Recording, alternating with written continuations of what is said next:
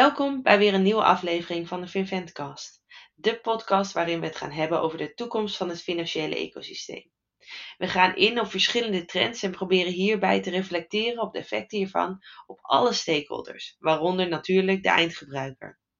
We nodigen verschillende collega's uit van Capgemini Invent met meer ervaring om over deze trends verder te praten. Vandaag gaan we het hebben over Beyond Banking en natuurlijk zit ik weer in de ruimte met Bas. Maar vandaag ook hebben we Edgar te gast uh, bij deze podcast. Uh, maar voordat we Edgar zichzelf laten voorstellen, uh, Bas, Beyond Banking, als je daaraan denkt, wat, wat, waar denk je dan aan? Goede vraag. Nou, ik ben uiteraard zeer benieuwd dadelijk naar wat Edgar ons erover kan vertellen. Voor mij is Beyond Banking heeft te maken met de rol van banken en de verantwoordelijkheid die ze daarbij bij nemen. Dus zijn ze meer dan alleen financiële instellingen. Uh, een van de dingen die je ziet uh, is volgens mij ook het openstellen van de banken. wat we zien bij open banking of bijvoorbeeld bij open insurance. is volgens mij een van de redenen van, nou, dat er meer mogelijkheid mogelijk is. En dat ze daarmee misschien ook wel meer kansen en verantwoordelijkheden krijgen. Dat is zoals ik het zie. Maar ik ben ook benieuwd, wat denk jij daarvan? Ja, ik, ik heb eigenlijk geen idee. Dan denk ik, banken, moeten banken meer zijn dan alleen een bank? En dat is een vraag die ik heb waar ik graag een antwoord uh, op zou willen. Um, maar bijvoorbeeld kan een uh, ander bedrijf ook een bank zijn. Dus een, ook een antwoord uh, waar ik vragen waar ik de antwoord niet op, op weet. Vandaar dat we Edgar bij ons hebben. Edgar, zou je jezelf willen voorstellen? Ja, leuk te doen. Hi Pas, Milou. Um, Edgar Mendelssohn, director binnen Invent. Invent van Capgemini, dat is de consulting tak van Capgemini. En hou me daar bezig met financial services. Uh, dus vooral is dat banken en de vragen die zij hebben om uh, meer strategische vragen, transformatieve vragen. Hoe blijf ik relevant in deze veranderende wereld? Oké. Uh, en om meteen op het onderwerp in te gaan, het onderwerp Beyond Banking. Wat is voor jou Beyond Banking en waarom is het relevant voor ons? Uh, ja, nee, dat is een. Uh, kijk, Beyond Banking is een vrij brede term. Laat ik daarmee beginnen. Dus het is, want Beyond is bij de, per definitie natuurlijk groot. Wat wij zien is eigenlijk in eerste instantie waren banken vrij afgesloten. Dus je had een bank, je werkte bankierde bij ING. En via de portal van ING, online banking, kon jij eigenlijk alles wat je binnen ING aan producten had, savings, hypotheken, betalingsverkeer, kon je allemaal doen. Um, nou, dat was, uh, dat was redelijk overzichtelijk.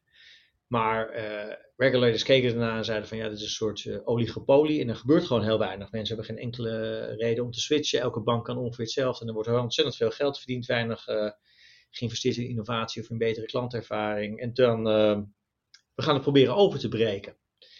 Dus eigenlijk vanuit de regulator kwamen, kwamen toen initiatieven als PSD2 en in Engeland heette het Open Banking. Mm -hmm. En eigenlijk wat dat deden, ging het, de schaal voor de banken werd wat groter. Dus in plaats van één bank werd eigenlijk de hele financiële wereld werd via één portal beschikbaar gesteld aan klanten. Dus je kon met één, via de portal van één bank, via het kanaal van één bank, kon je eigenlijk al je financiën zien bij alle banken.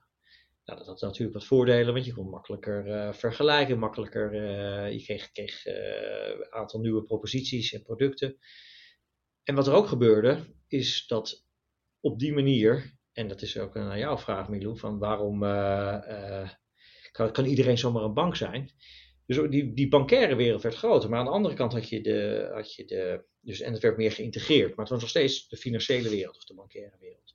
Aan de andere kant had je de wereld van vooral de big techs, de, de GAFA's, maar andere.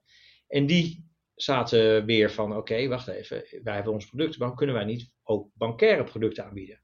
Zeker een aantal producten waar heel veel rondom data is, payments, et cetera. Dus die zaten te kijken naar banken en zeiden van, nou, als het nu allemaal open gaat en nu makkelijk, hè, ik hoef niet meer met elke bank te connecteren, maar ik kan nu met het banksysteem connecteren. Dan wordt het ook interessanter voor mij. Dus je kreeg eigenlijk aan de ene kant kreeg je niet-banken die beetje bank wilden worden. Aan de andere kant krijg je banken die ook niet bankaire diensten willen aanbieden. Dat noemen wij beyond banking.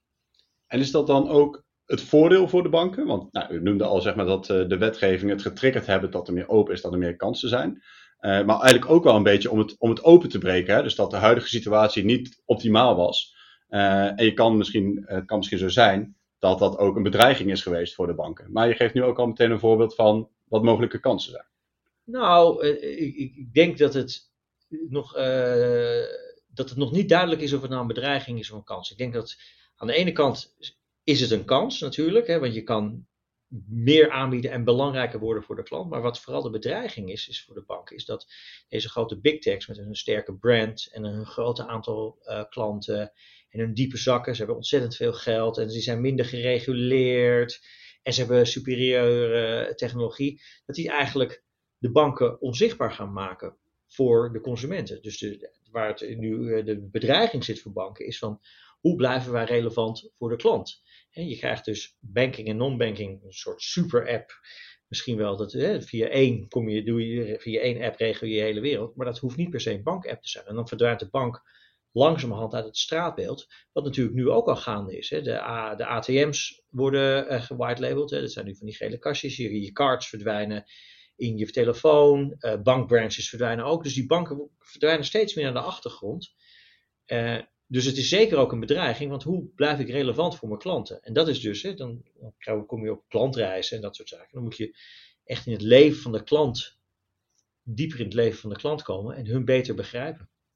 En zou je dan adviseren om zo als een bank uh, daartegen in te gaan, om echt concurrentie op te gaan zoeken met zo'n big tech?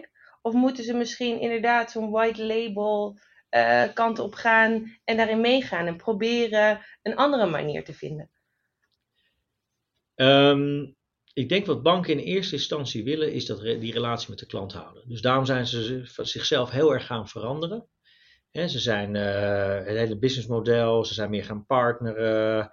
Uh, ze zijn hun architectuur gaan aanpassen met open architectuur en API's. Ze zijn veel meer vanuit data proberen ze de klant te begrijpen en die klantreizen te doen. Dus al die dingen die banken eigenlijk de afgelopen jaren doen rondom data, klantreizen, architectuur en business models, venture start, et cetera, is allemaal eigenlijk gericht om die klantrelatie te behouden. En om het contact met de klant te behouden. De vraag is, hoe succesvol is dat geweest? Hè? Je ziet nu toch, uh, en wat je langzamerhand ziet, hè, is dat toch uh, er een, een, een, ook een soort plan B en een plan C is. Plan A is, we gaan onszelf helemaal veranderen en we gaan die klantrelatie houden en relevant blijven voor de klant. En hartstikke mooi plan B is eigenlijk van ja, oké, wij, wij, wij, wij, gaan dat proberen via ventures. Dus wij, wij, wij zetten nieuwe dingen op, hippe dingen, leuke dingen die eigenlijk digital native zijn. Hè, want die banken zijn best wel eh, complex qua, qua architectuur en qua cultuur. Wat bedoel je met digital native? Dat het in de core zit van een, van een bedrijf om digitaal en data uh, te, digitaal te zijn en data gedreven te zijn. Dus banken zijn een hele andere manier begonnen en die transformeren zichzelf naar een digitaal bedrijf waar data heel belangrijk is. Die zijn eigenlijk traditioneel georganiseerd rondom silo's meer. Ik heb mijn payment producten, mijn savings producten, mijn securities en dat zit niet allemaal samen. Terwijl een digital native en een data native weten ze dat dat het belangrijkste is en van daaruit bouwen ze hun proposities.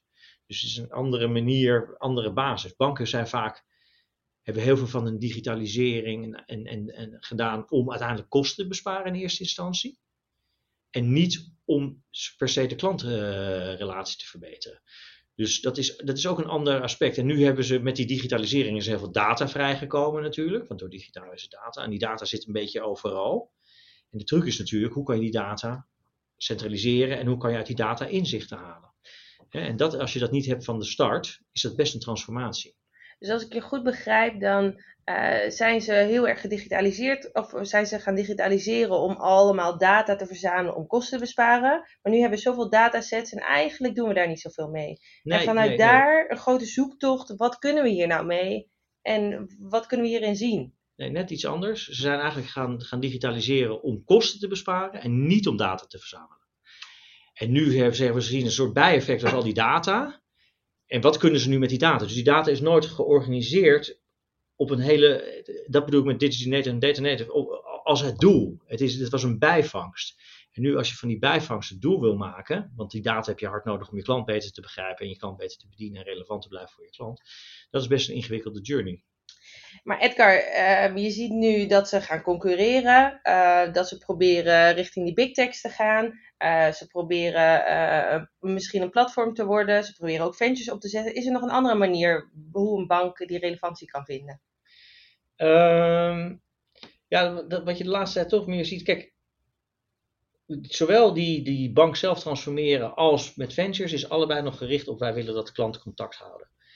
En wij willen relevant voor die klant blijven. We willen niet de achtergrond verdwijnen, geen processor worden of, of meerdere rollen. Maar, maar als dat niet, niet lukt, eigenlijk is, is er langzamerhand een vraag, ook als dat niet zo zou zijn, kan je dan ook nog succesvol zijn als bank? Dus dan ga je kijken van oké, wat zijn mijn core capabilities van een bank? Waar ben ik goed in? En wat heb ik te bieden aan het ecosysteem? Dan ben ik misschien zelf niet de orchestrator van het ecosysteem, maar word ik een supplier in het ecosysteem. En wat heb ik als bank te bieden? Waar ben ik goed in? Nou, dan kom je al gauw uit bij, eh, natuurlijk, banken zijn heel goed in credit assessment. Dat is een fantastisch iets. Of KYC, Know Your Customer. Nou, ze zijn een van de weinige bedrijven die een klant nog echt kennen waar je je paspoort moet laten zien, is banken. Uh, fraudedetectie, et cetera. Er zijn een aantal dingen waar banken ontzettend goed in zijn. En de vraag is ook, hoe kan je dat monetizen? Een andere vraag is, het zit weer heel erg geïntegreerd in, uh, in een soort monolithische structuur. Dus hoe ga je dat dan opknippen, zodat je het kan aanbieden aan, aan uh, het ecosysteem? En daar zie je dus, dat heet dan modular banking of banking as a service, lending as a service, payments as a service. Je kan ook fraud detection as a service. Je gaat allemaal, banken zijn dus ook al bezig zichzelf op te knippen in services. En dat kan natuurlijk ook heel erg winstgevend zijn. Dus denk ik niet het plan A, dat is toch echt jezelf veranderen. Niet het plan B, dat is die ventures. Maar het is, het is ook een plan wat langzamerhand meer aandacht krijgt. Dat is wel interessant dat je dat zegt. Want als ik een aantal jaar geleden naar de markt kijk, dan had ik het gevoel dat iedereen eigenlijk die platformaanbieder wilde worden. En nu zie je steeds meer inderdaad dat ze gaan kijken volgens mij van oké, waar ben ik nou daadwerkelijk goed in en wat kan mijn rol worden in dat hele ecosysteem. Um, en je gaf net aan van, nou, dat ze daarna aan het kijken zijn, maar ook van hoe kan je het monetizen. Heb je daar een beeld bij van hoe kunnen ze nou een bepaalde skillset, waarvan je zegt van hier zijn ze goed in. Uh, dus bijvoorbeeld noem het het KYC, Know Your Customer. Hoe kunnen zij daar dan onderdeel van worden van dat ecosysteem? Ja, je, hebt je technisch of functioneel. Kijk, technisch gaat het allemaal via API's. Mm -hmm. Dus je moet jezelf modulair maken en via API's.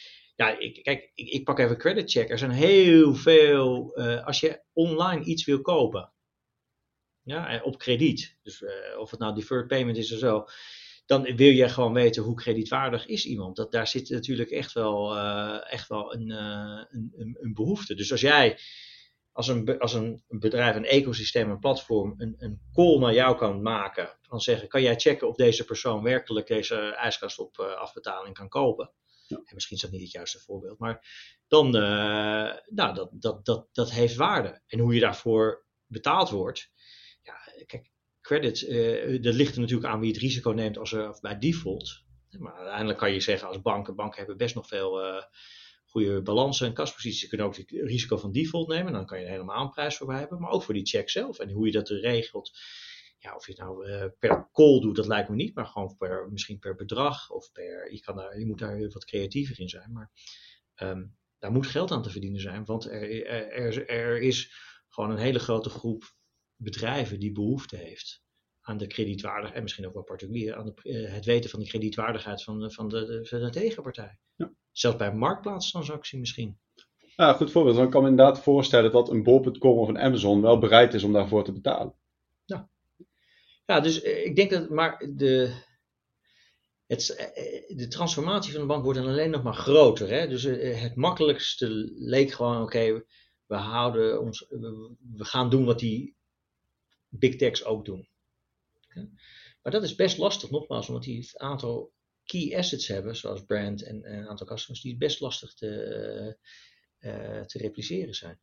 Wat je wel ziet ook is dat banken langzamerhand, uh, het begon een paar tijdje geleden kwam de fintech op en toen zei iedereen, nou komt de strijd tussen banken en fintech. Ik denk dat dat wel meevalt. Banken en fintech lijken elkaar steeds meer te vinden. Met fintech met hun technologie uh, en banken misschien met hun uh, geld en, en, klanten en dat samen te brengen tot proposities. Banken en fintech lijken samen toch wel meer elkaar op te zoeken. Ik denk dat een grote dreiging nu uit de big tech komt. Als die echt willen, als die echt uh, banken willen zijn, want dat is ook nog maar de vraag, zijn die, eh, want het is, komt natuurlijk met ook heel veel lasten. Dat is ook jouw vraag. Kan iedereen een bank worden? Ja, je moet een licentie hebben. En je hebt meerdere soorten licentie. Alleen maar een payment licentie of een echte volle banklicentie. Maar je moet dan heel veel voorwaarden voldoen. Dus je wil het liever niet. Dus het kan ook zijn dat uh, die big techs denken van ja, weet je, we willen eigenlijk niet zo ver gaan. Laat jullie maar het rotwerk doen. Tussen aanhalingstekens. Ja, zolang wij het klantcontact maar hebben. Wij, wij, wij, wij, betrekken jullie er wel bij als we jullie nodig hebben. Ik denk dat ik business to business de opportunities wel een beetje uh, begin te begrijpen. Wat voor waarde dat, hoe, hoe bedrijven samen kunnen werken, wat voor waarde ze aan elkaar kunnen bieden.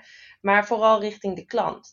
Uh, bijvoorbeeld mijn oma of mijn tante. Hoe ga ik uitleggen dat een big tech een bank gaat worden? Maar ook hoe ga ik uitleggen aan haar, de, de bank die is er niet meer. En de bank die communiceert met uh, Amazon om mijn kredietwaardigheid door te geven. Dan denk ik, hé, hey, wat gebeurt er allemaal achter de schermen waar ik geen, uh, uh, geen controle over heb? Denk je dat dat verhaal richting die klant, denk je dat we daar nog over na moeten denken? Hoe gaan we dat dan vormgeven?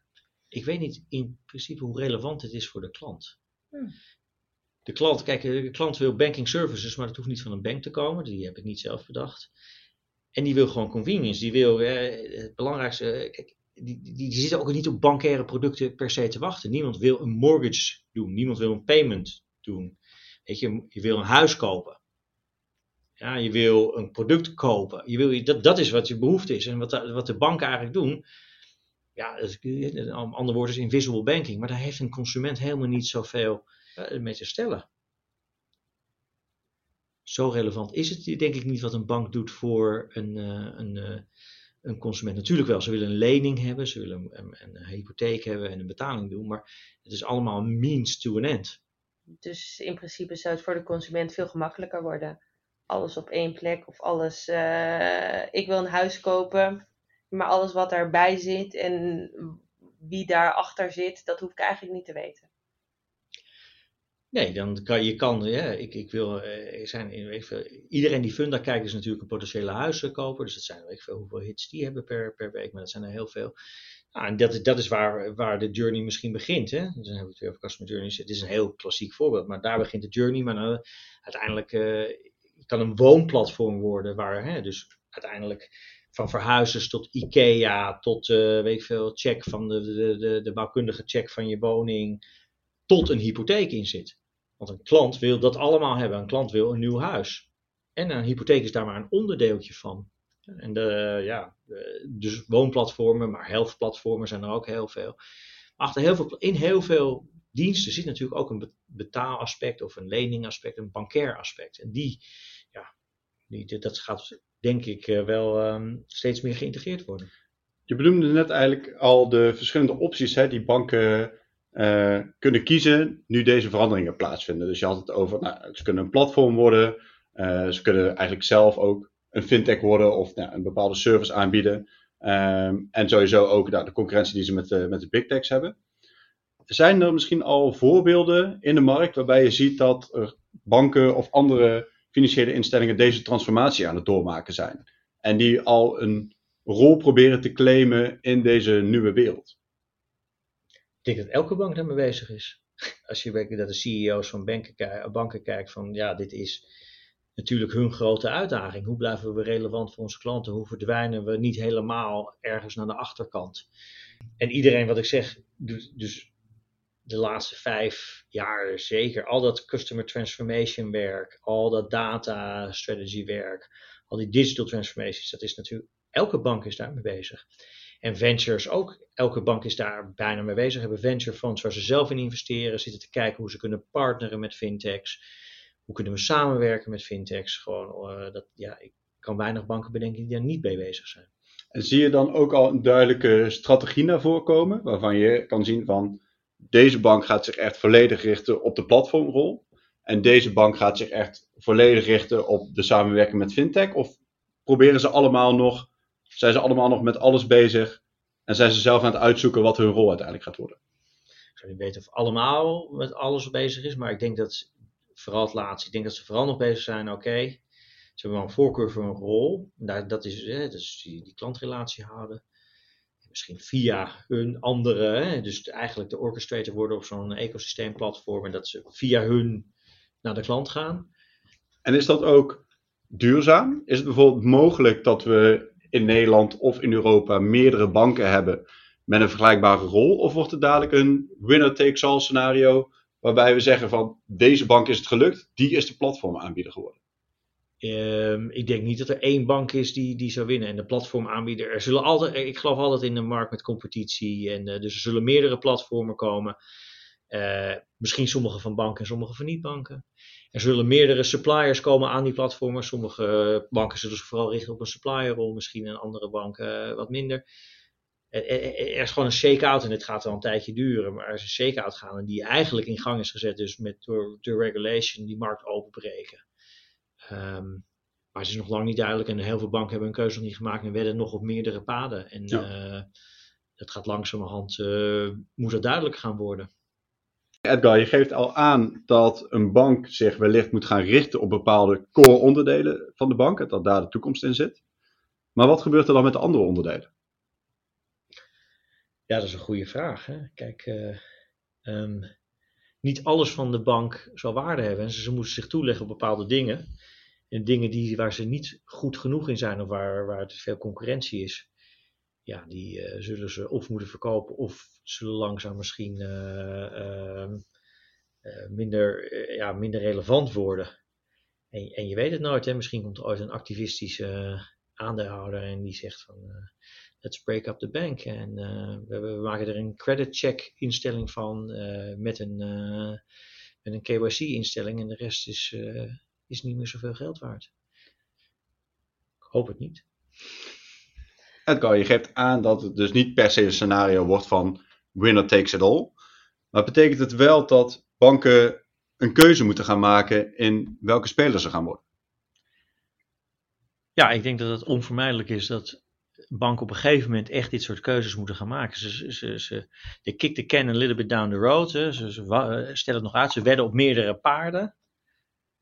Maar uh, uiteindelijk moeten er harde keuzes gemaakt worden. Ja. Maar die, die zijn nu nog niet te overzien allemaal. Dus eh, de, hoe de markt zich echt ontwikkelt en hoe de fintechs en wat de big techs echt willen, dat is gewoon nog, ja, het is nog uh, te onduidelijk. Maar het leidt geen twijfel dat uiteindelijk harde keuzes gemaakt moeten worden.